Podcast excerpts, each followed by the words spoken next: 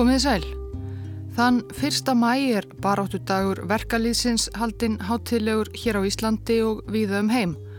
Sama hvað manni kann að finnast um þann dag eða hvernig hátiðahöldunum er háttað hér á Íslandi til dæmis, þá á dagurinn sér merkilega sögu sem rekjam á meira en öld aftur í tíman.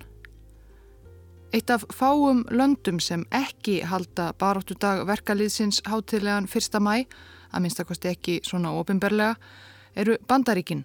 Bandaríkjamenn hafa sinn eigin ofinbera verkalýðsdag, Labor Day, sem mætið ber upp á fyrsta mánudaginn í september. Það skýtur því kannski nokkuð skökku við að ástæða þess að fyrsti mæ er einmitt fyrsta mæ, er einmitt að finna í bandarískri sögu, í einni dramatískustu atbyrðarás í verkalýðsögu bandaríkjana. En í dag, meira en 130 árum síðar, veit enginn hver kastaði sprengjunni. Við vitum að um 20 myndir yfir tíu að kvöldi 4. mæ 1886 lísti gulur ljósklampi skindilega upp nætur himinin yfir torgin okkru í Chicago þar sem stóðu nokkur hundru manns í rigningu. Andartæki síðar hvað við hár kvellur og þínast öskur, róp og köll, ringulreið og svo skotrýð og meiri öskur, róp og köll. Sprengjan var úr dínamíti og þar að auki full af litlum málmbrótum sem skutust í allar áttir þegar hún sprakk og stungust inn í líkama þeirra sem stóðu á torkinu. Brjóst, útlimi, andlit og augu. Einn lést samstundis við að fá sprengjubrótin í sig, sex letust síðar af sárum sínum. Skotríðin sem fyldi sprengingunni dró svo enn fleiri til dauða.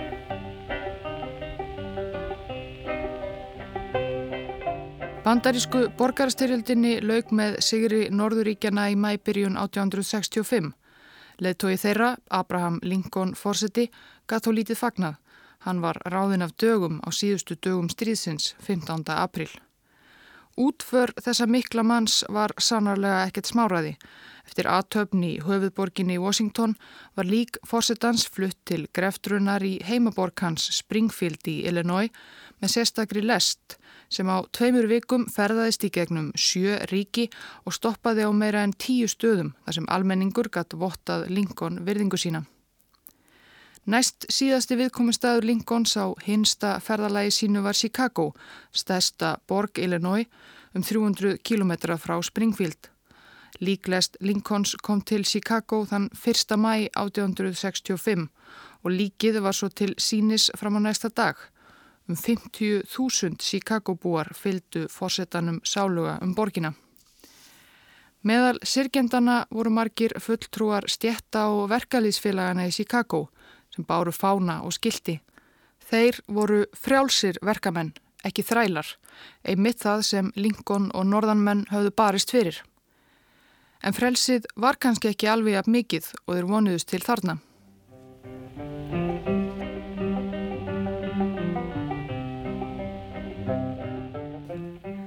Stríðslokum fylgdi mikill uppgangur í bandaríkunum og var hann ekki síst sínilegur í Chicago. Borgin varð fljótt einn helsta yðnaðarborg bandaríkjana, ef ekki í heiminum. Versmiðjur spruttu upp eins og gorkúlur og óþrótandi þörf virtist á vinnuafli. Borgin stækkaði ógnar hratt. Til Chicago streymdu 2000 innflytjandi frá Evrópu, Þískalandi, Englandi og Írlandi, Norðurlöndunum og víðar að. Allir í leitað atvinnu, peningum og bara betra lífi. Það var sannarlega nóg að vinnu og peningum. Verksmiðju eigendur, játbröytar, kongar og aðrir stórlagsar Chicago grættu á tá og fingri, byggðu sér glæsilegar villur og stórhísi sem enn í dag setja svip á borkina og lifðu hátt eftir því. En hinn almenni verkamaður fekk ekki að njóta góðæri sinns í alveg sama mæli. Laun í versmiðunum voru lág og það þó að verkamenn innu flestir baki brotnu að jafnaði 6 daga vikunar að minnstakosti 10 tíma á dag. Nýjir inflytjandur áttu erfitt með að skrapa saman nægilegu fétt til að koma alminlega undir sig fótunum, eignast húsnæði og þurftu þessi stað að hókra á ömurlegum gistiheimilum og heimavistum. Var þetta frelsið sem Lincoln hafi lofað? Enska skaldið Rudyard Kipling heimsótti Chicago á leiðsynni heim til Breitlands frá Indlandi árið 1889.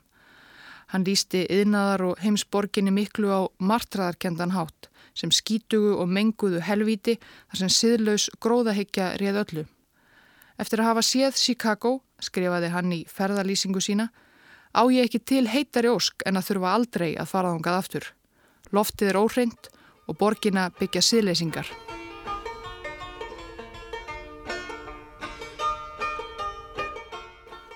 Víða um heim á þessum tíma á ofanverðri 19. öld voru verkamenn að krefjast aukina réttinda, betri vinnuaðstæðina, möguleika á að skapa sér mannsæmandi líf. Og reiksbúandi versmiðjur Chicago, blóði drifin sláturhús og játbröytir, urðaði einu mesta suðu potti verkalýðsbaráttunar í gerföllum bandaríkunum. Eitt af helsta sem bergalýðsbaráttumenn Chicago borgar sem og víðar kröfðust var að stitta vinnudaginn Eilengur vildu þeir þurfa að strita myrkrana á milli, þeir vildu átta tíma vinnudag. Skiptingin átti að vera vinna í átta tíma og svo átta tímar til að kvílast og átta tímar til að gera það sem manni síndist, var slagordið eins og í þessum barátusöng sem var vinsæl meðal verkamanna í Chicago þessum tíma en Pete Seeger syngur hér. If Satan took the black legs, I'm sure 'twould be no sin. What peace and happiness 'twould be for us poor working men.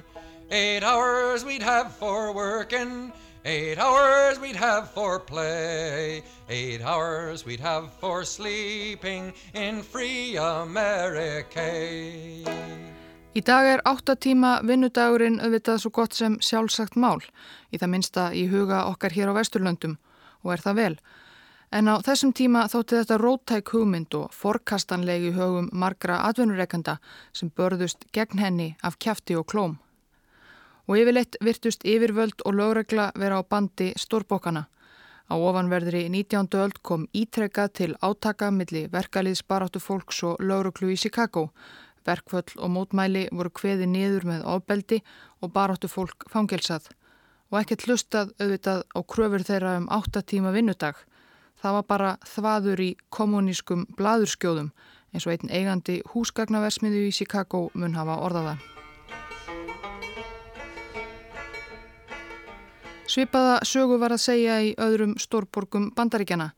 Baráttan gekk kvorki nýrak svo að loks ákvað allríkis samband bandarískra verkaliðsfélaga Federation of Organized Trades and Labour Unions að lýsa því einhliða yfir að fyrsta mæ árið 1886 skildi 8 tíma vinnudagur bara víst taka gildi, sama hvað stjórnvöld og atvinnureikendur hefðu um það að segja. Verkamennir myndu fá sitt fram með allserjar verkvalli. Fyrsta mæ 1886 bar upp á lögadegi. Fólk var samt í vinnu. Um gerfull bandaríkin lögðu verkamenn niður störf á bylnu 300 til 500.000 manns. Í fjölda stórborga Í New York, Detroit, Milwaukee voru haldnir mörg þúsund manna fjöldanfundir þar sem verkamenn kyrjuðu slagorð áttatíma vinnudeginum til stuðnings. Lang flestir mótmælti þó í Chicago, þessum miðpunti bandarískrar verkalýsbaráttu. Á bylinu 30 til 40 þúsund verkamenn lögðu niður störf og enn fleiri mótmæltu á gödumúti, á torgum við versmiður og stórfyrirtæki.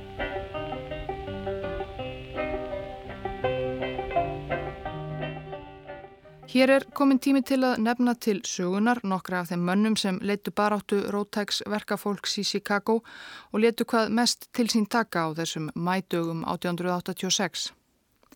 Albert Parson, um 38 ára þegar þessir atbyrðir gerast, var fætur í Alabama. Hann hafi barist fyrir Suðuríkin í borgarastyrjöldinni en fljótlega eftir stríð snúist alfarið gegn málstað sunnanmanna og þrælahaldara, ekki síst eftir að hann kynntist konu sinni Lucy Gonzales, síðar Lucy Parsons.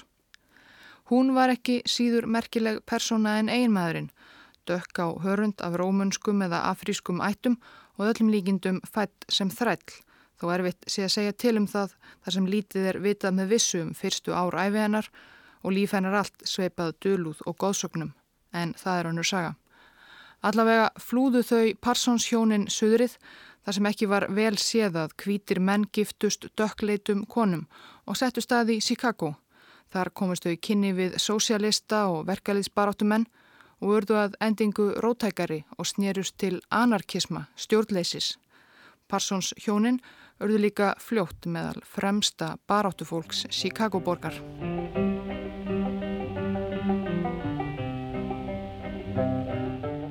Ágúst Spís var 31 þegar þessir atbyrðir gerast. Hann var fættur í Hesse í Þýskalandi og var rétt 16 ára gamal þegar hann ákvaða að sigla einn til Ameríku í vonum betra líf. Eins og svo margir landar hans sem sildu vestur á þessum tíma endaði hann í stórborginni Chicago þar sem hann lagði fyrir sig bólsturun. En lífið í bandaríkunum var ekki alveg eins ljúft og spísaði ímyndað sér. Honum blöskraði fljótt aðstæður verkamanna í Chicago og ofríki yfirvalda við að bæla niður réttindabaratu þeirra. Spís gekk í sósialíska verkamannaflokkin árið 1877 og var von bráðar komin í fórustu sveitur rótæklinga í floknum.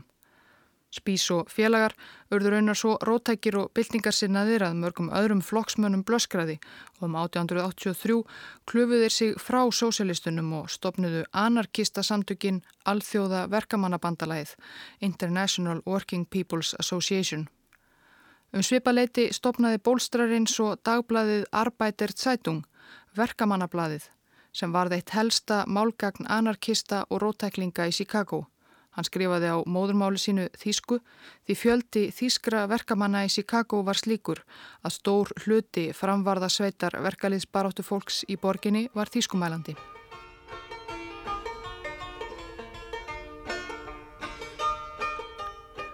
Þrátt fyrir að Chicago logaði í verkvöllum og mótmælum 1. mæ 1886 voru yfirvöldi borginni þó ekkert nær því að verða við óskum verkamanna um áttastunda vinnudag. Aðgerðirnar heldu því áfram, verkamennir gáfust ekki upp. Það var mótmælt annan mæ og það var mótmælt þann þriðja. Þriðja mæ 1886 söpnuðust verkfallsmenn fyrir utan risavaksna kornskurðarvela versmiðu McCormick's. Það var fyrirtæki sem átti vel að merkja nokkrum árum síðar eftir að sameinast öðrum kortskurðarvela framleiðanda og verðað risanum International Harvester Company hvers dráttarvelar nutu vinselda á Íslandi um ára byll. En þarna hétt fyrirtækið sem sé en kornskurðarvélaversmiða McCormick's og þar hafðu stjættarfélagsmundnir starfsmenn verið í verkfalli síðan í februar, altså vikum saman.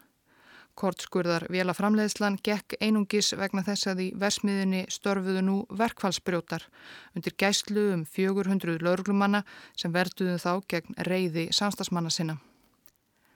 Þann 3. mæ 1886 ávarpaði tíski bólstrarinn og reittstjóri Arbeiterzeitung Ágúst Spís mótmælendurnar fyrir utan kortskunar vélaversmiðu McCormick's. Það var ekki fyrsti fjöldafundurinn sem hann ávarpaði þann daginn. Allan daginn og undanfarnar daga hafði hann verið á ferð og flugi um Chicago, leitt kröfugöngur og haldið ræður. Eins og hann hafði raunar gert vikum saman í aðdraganda verkfallsins 1. mæ auk þess að undirbúa næsta tölublað Arbeiterzeitung sem auðvitað var helgað verkfallsaðgerðunum.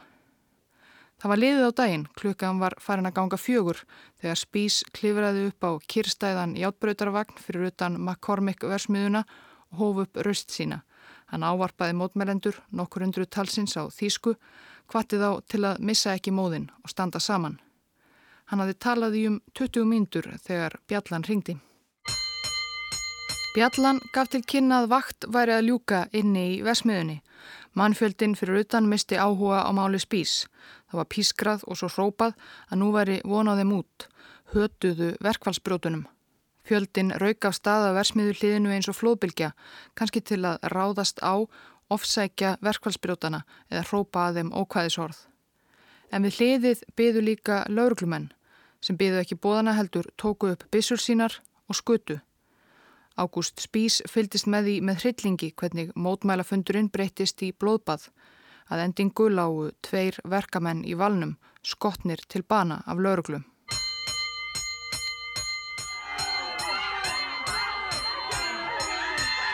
Baráttu fólk Chicago borgar tók atburðunum við kortskurðarvila versmiðu McCormick's ekki létt. Kvöldinu 3. mæ vörðu anarkistar borgarinnar við að skipuleikja mótmælafund gegn ofbeldi lauruglu sem halda átti daginn eftir á Haymarket, torkin okkru á hortni Randolph strætis og Des Plaines stræti í miðborginni. Félagar Spís og samstagsmenn hjá Arbeiderzeitung tóku til við að prenta auglýsingar til að vekja aðtikli á fyrirhugðum fundi. Þær voru bæði á þýsku og ensku og þær voru herskáar í orðalagi en það var fólk reitt.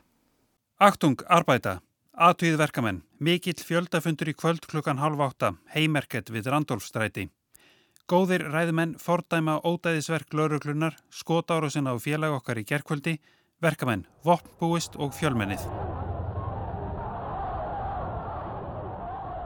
Rache, rache, hemd, verkamenn vopnist. Húsbóndar ykkar sendu blóðhundin á ykkur, laurugluna. Þeir drápu sex bræður ykkar við McCormick verksmiðina í kvöld. Þeir drápu vesalingsmennina því þeir eins og þú hafðu hugrekkið til að ólýðinast vilja yfirmanna sinna. Þeir drápu þá því þeir dyrðust að byggja um að strita færri stundir.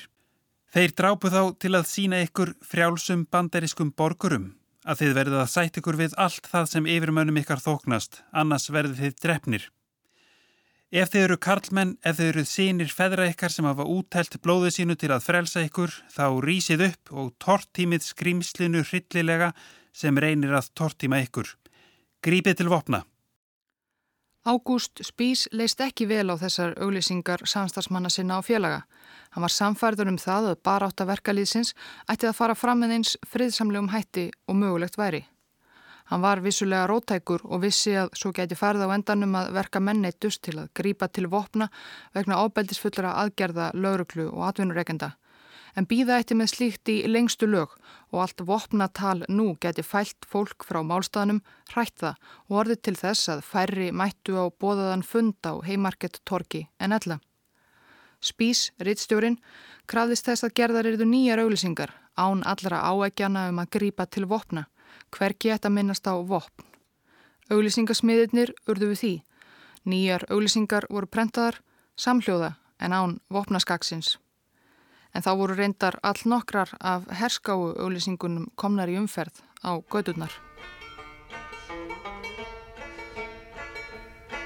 Því fór fjari að blóðsúthellingarnar við hlið kortskurðar velaversmiðunar hafi dreyið máttinn úr baráttumönnum í Chicago Dægin eftir, 4. mæ, var andrumsloftið í borginni ramagnað.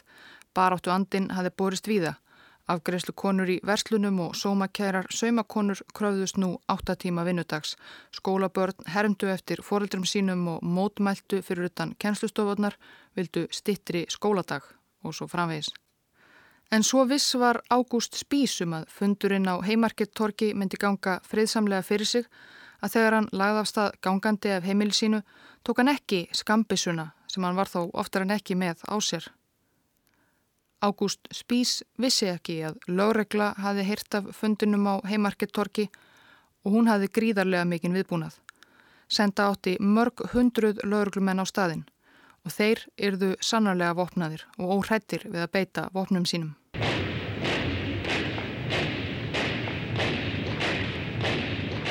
Fundurinn byrjaði upp úr áttað kvöldi. Þá höfðu all nokkrir sapnast saman á heimarkettorkinu. Heimildum ber að vísu ekki alveg saman um hversu margir á bylinu 600 til 3000.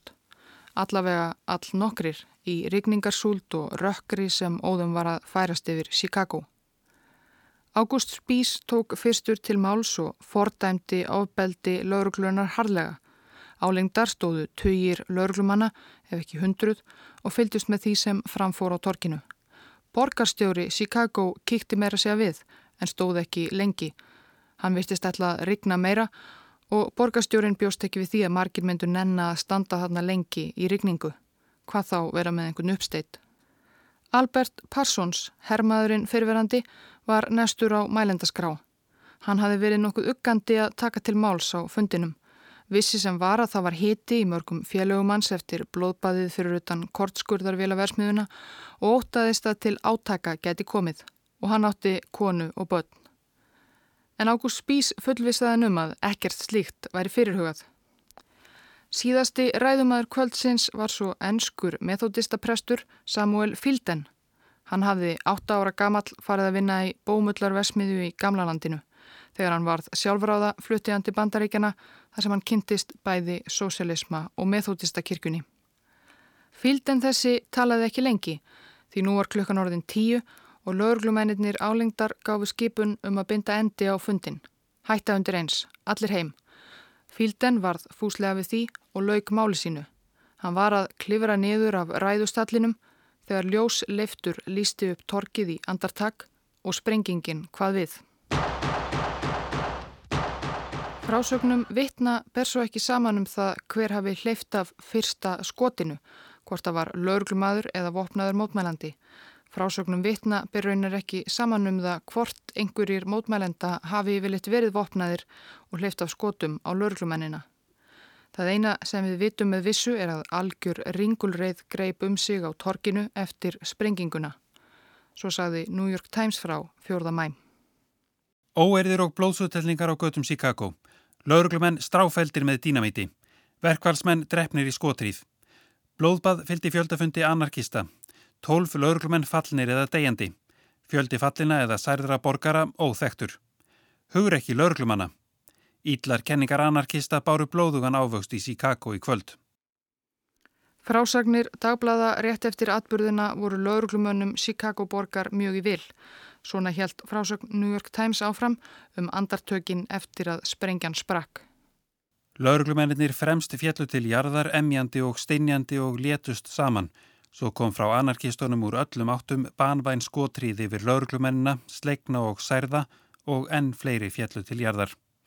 Þegar sprengjan sprakk flúðu vekkfærendur á gangstjettinni í ofvæni og margir tróðu stundir í ofsafengnum flóttanum.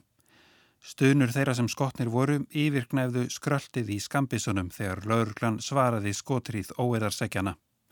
Á tveimur mínútum var jörðin þakin særðu fólki. Svo dróur skotriðinni og loks sló á þögn og lauruglan hafði stjórn á ástandinu og ástandið var skelvilegt í alla staði. Á jörðinni lágu menn sem engdust af sársauka í andaslítrónum. En síðari tímasakfræðingar hafa reyndar dreyði ef að anarkistarnir eða mótmælendurnir hafi skotið á laurugluna yfir leitt. Kanski einhverjir, en næsta víst er að í ringulreiðinni hafi einhverjir lauruglumenn fallið fyrir bissukúlum félaga sinna sem skutu í örvendingu og ofsarhæðslu í allar áttir á myrkvuðu torkinu. Lauruglumenn sem voru á heimarkett þetta kvöld viðurkendu það sjálfur ekki löngu síðar í naflösum viðtölum við dagblöðin. Grein New York Times sem hér var vitnað í áðan stað hafði að 12 laurglumenn læju í valnum eftir atbyrðina á heimarkett eða væru degjandi. Hér rétta er að sjö laurglumenn fjallu í sprengingunni og skotbardaganum sem fyldi. Sá áttundi lést tveimur árum síðar vegna meðsla sem hann hlaut þetta örlægaríka kvöld. Um 60 laurglumenn til viðbótar særðust. Hversu margir mótmælendur og verkamenn fjallu er hins vegar ekki víst. Staðfest er að fjórir mótmælendur fjallu en kannski og líklega voru þeir fleiri. Að minnstakosti ber flestum frásögnum vitna og dagblada saman um að særðir mótmælendur hafi verið fleiri en særðir laurglumenn. En fæstir hafi treyst sér til að leita sér læknishjálpar að vota við að verða handteknir fyrir þáttöku sína í mótmælunum.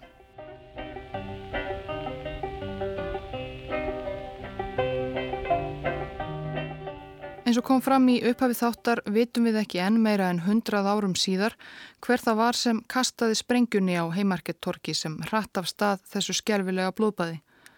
En lauruglu yfirvöld í Chicago ætluði sér svo sannarlega að draga þá sem áttu söka og dauða félaga þeirra til ábyrðar. Og meðal almennings greipum sig nær hysterísk ofsarræðsla við anarkista sem hvarvetna í fjölmiðlum voru sagðir hafa staðið að sprengju ótaðinu og higgja jafnvel á frekari hriðjuverk. Vikurnar eftir blóðbæðið á heimarkett réðist lauruglan í umfangsmikla rassju gegn þekktum anarkistum, kommunistum og öðrum rótæklingum. Það þurftur reyndar ekki mikið meira til en að hafa verið eitthvað viðriðin skipulagt verkaliðstarf, stjættarfélög eða mótmæli til þess að Chicago lauruglan væri mætt heimihjámanni gráf fyrir hjárnum, leitaði í öllu hátt og látt án nokkur að leifa, yfirherði mann og handtæki og þar sem margir af leðtógum anarkista og baráttumanna í Chicago voru fættir í Þýskalandi eða Þýskum ættum, lágu fljótt svo að segja allir Þýskumælandi verkamenn í Chicago undir grunn. Lörglan var handvisum að sprengjumadurinn, hver sem það reyndist vera, hlitið að vera hluti af stærra samsæri anarkista sem nöðsilegt væri að uppræta sem allra allra fyrst Og þá fjall auðvitað grunurinn fljótt á leðtoga verkalýsbaráttunar og verkfallsaðgerðana sem höfðu haldið Chicago í heljar greipum síðustu daga og vikur. Menn sem höfðu jafnvel verið á staðnum á heimarkettorki kvöldið blóðuga, jafnvel tekið til máls. Strax morgunin 5. mæ réðist laurugla inn á reitstjórnarskrifstofur Arbeiderzeitung og hann dók þar reitstjóran Ágúst Spís og tvo samstagsmenn reitstjórnar fulltrúan Mikael Svab og setjaran Adolf Fischer. Á skrifstofunni fundu laurglumenn meðal annars auglýsingarnar þar sem verkamenn voru kvattir til að vopn búast og hefna bræðra sinna sem hafðu verið drefnir af lauruglu 3. mæ. Auglýsingarnar sem Ágúst Spís hafði komið í vekk fyrir að færi í dreifingu en nú þóttu þær afar vafasamar í augum laurglumanna.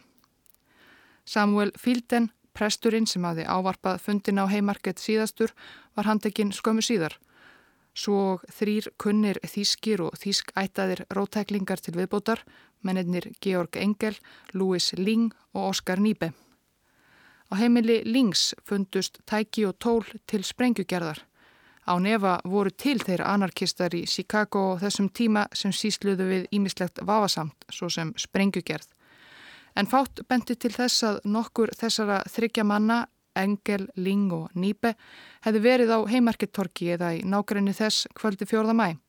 Þeir voru aðalega handeknir þar sem þeir voru kunnir anarkistar og hlutu því að vera viðriðinir sprengju samsærið mikla sem Chicago-laurglan taldi sig hafa flett ofanaf.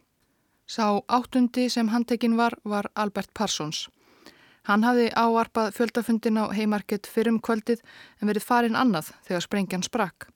Hann var ekki handekinn í fyrsta hólinu þrátt fyrir að vera meðal kunnustu rótæklingaborgarinnar, kannski vegna þess að hann var ólíkt flestum hinna ekki þjóðvergi, heldur borin og bartfætur bandaríkjamaður, meira segja ár Suðuríkunum. En þegar hann fretti af því að félagar hans og skoðanabræður hefði verið handteknir fyrir svo óljósar sagir, rann honum blóðið til skildunar og gaf sig fram við lauruglum.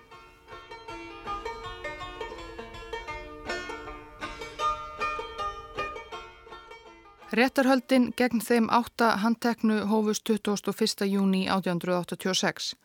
Þeir voru ákærðir fyrir morðið á Mattíasi Jóð Degan en svo hétt lauruglumæðurinn sem fyrstur lést í sjálfri sprengingunni á heimarkettorki.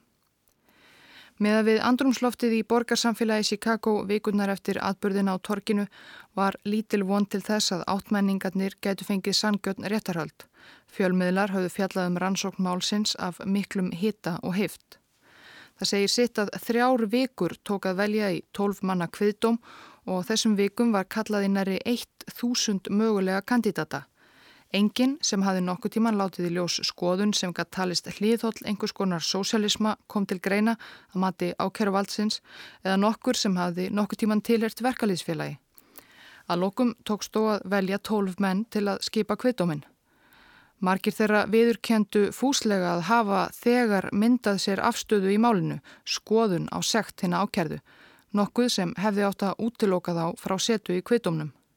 En aðal dómarunum í málinu sem fljótt komi ljósað var heldur ekki alveg hlutlaus, fannst þetta þó ekki komað sög og sagði kviðdómurunum sem játuðu afstöðu að þeir hlítu nú að geta bara samt verið hlutlausir og sangjarnir þegar allt kemi til alls. Ha, var það ekki bara? Ha, jú, jú, ætlið ekki.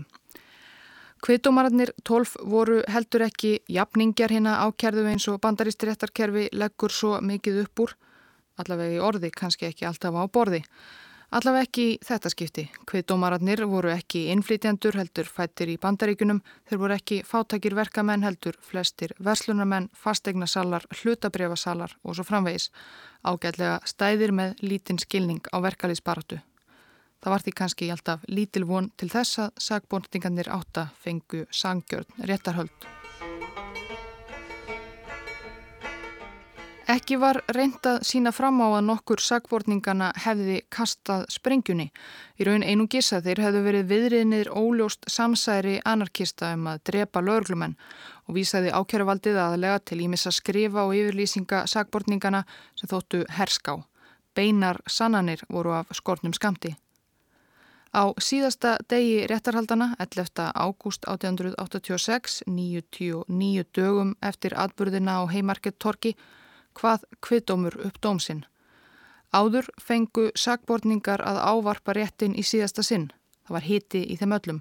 Ágúst Spís helt langa ræðu.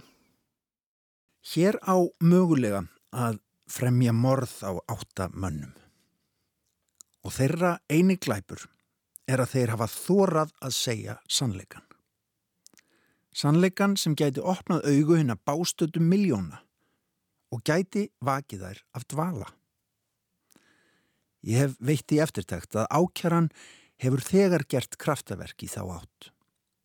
Stjættin sem heimtar líf okkar, þessir góðu, trúræknu, kristnu menn, hafa með öllum leiðum reynt að leina því sanna í þessu máli.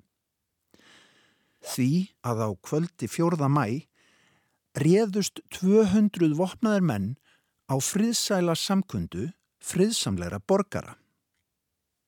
Í hvað ásetningi? í þeim ásetningi að myrða þá eða myrða eins marga og þeir gætu.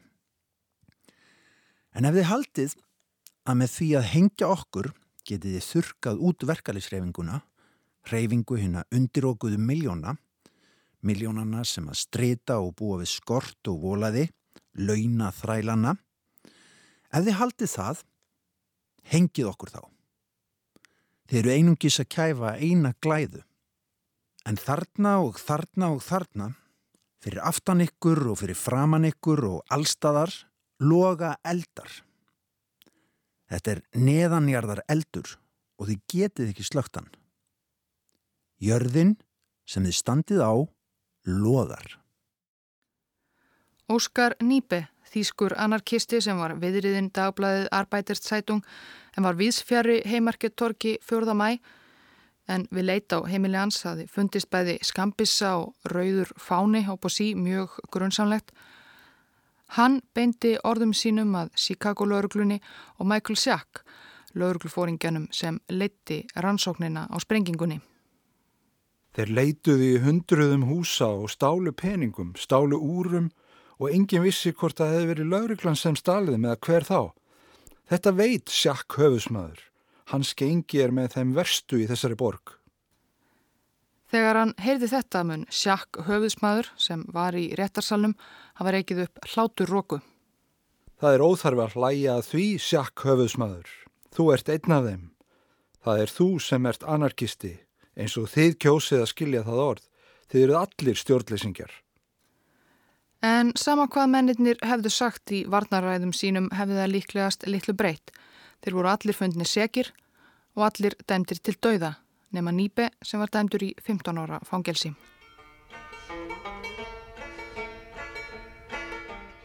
Við tók langt ferli þar sem allir hinnir dæmdu reyndu að áfrýja dómanum. Mál þeirra fór fyrir hæstarétt Illinois ríkis án árangus og þaðan fyrir sjálfan hæstarétt bandaríkjana án árangus. Málið fegst ekki tekið upp að nýju.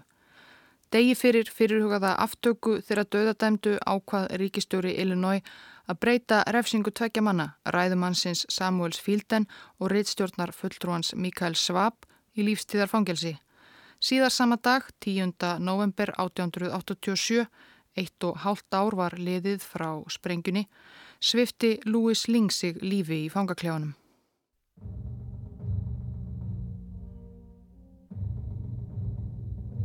Það voru því bara fjórir samsæris menn sem voru leittir að gálganum þann 11. november 1887 í kvítum kuplum með kvítar hettur yfir höfðum. Adolf Fischer, setjarinn á Arbeiderzeitung, fættur í Bremen í Þýskalandi um 28 ára gamall og þryggja barna fadir. Georg Engel sem ræk leikvangaverslun, fættur í Hesse í Þýskalandi 51 ás. Ágúst Spís, bólstrari og rittstjóri Arbeiderzeitung fættur í Hesse 32 ára og Albert Parsons, herrmaðurinn frá Suðuríkunum sem hafi barist fyrir réttindum þræla og gifst svartri konu 39 ára.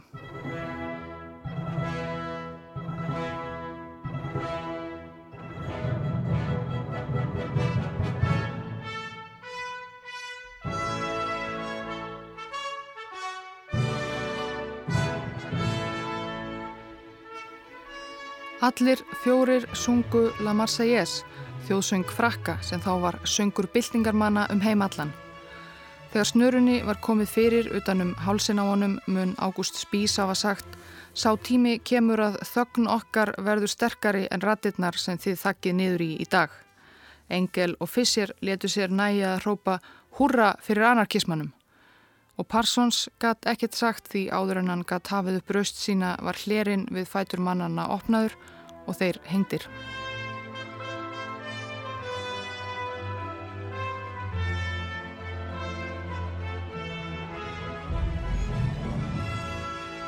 Réttarhöldin yfir heimarketmönunum vöktu mikla aðtegli ekki bara í Chicago og Bandaríkunum heldur viða um heim og viðast hvar nexluðist menn á því sem greinilega voru ósangjötn réttarhöld, dómarar og kviðdómarar sem reynduvarla að þykjast vera hlutlausir fjandsamlegt andrumsloft gegn sagborningunum. Bresku skaldin Oscar Wilde og George Bernard Shaw voru meðal fræðarmenna sem fordæmdu réttarhöldin á sínum tíma og voru alls ekki einir um það. Réttarhöldin og ofsóknir lauruglu gegn rótæklingum í kjölfar heimarkett óerðana dróðu vissulega máttinn úr verkalýsbaráttunni í Chicago en bara í stundarkorn.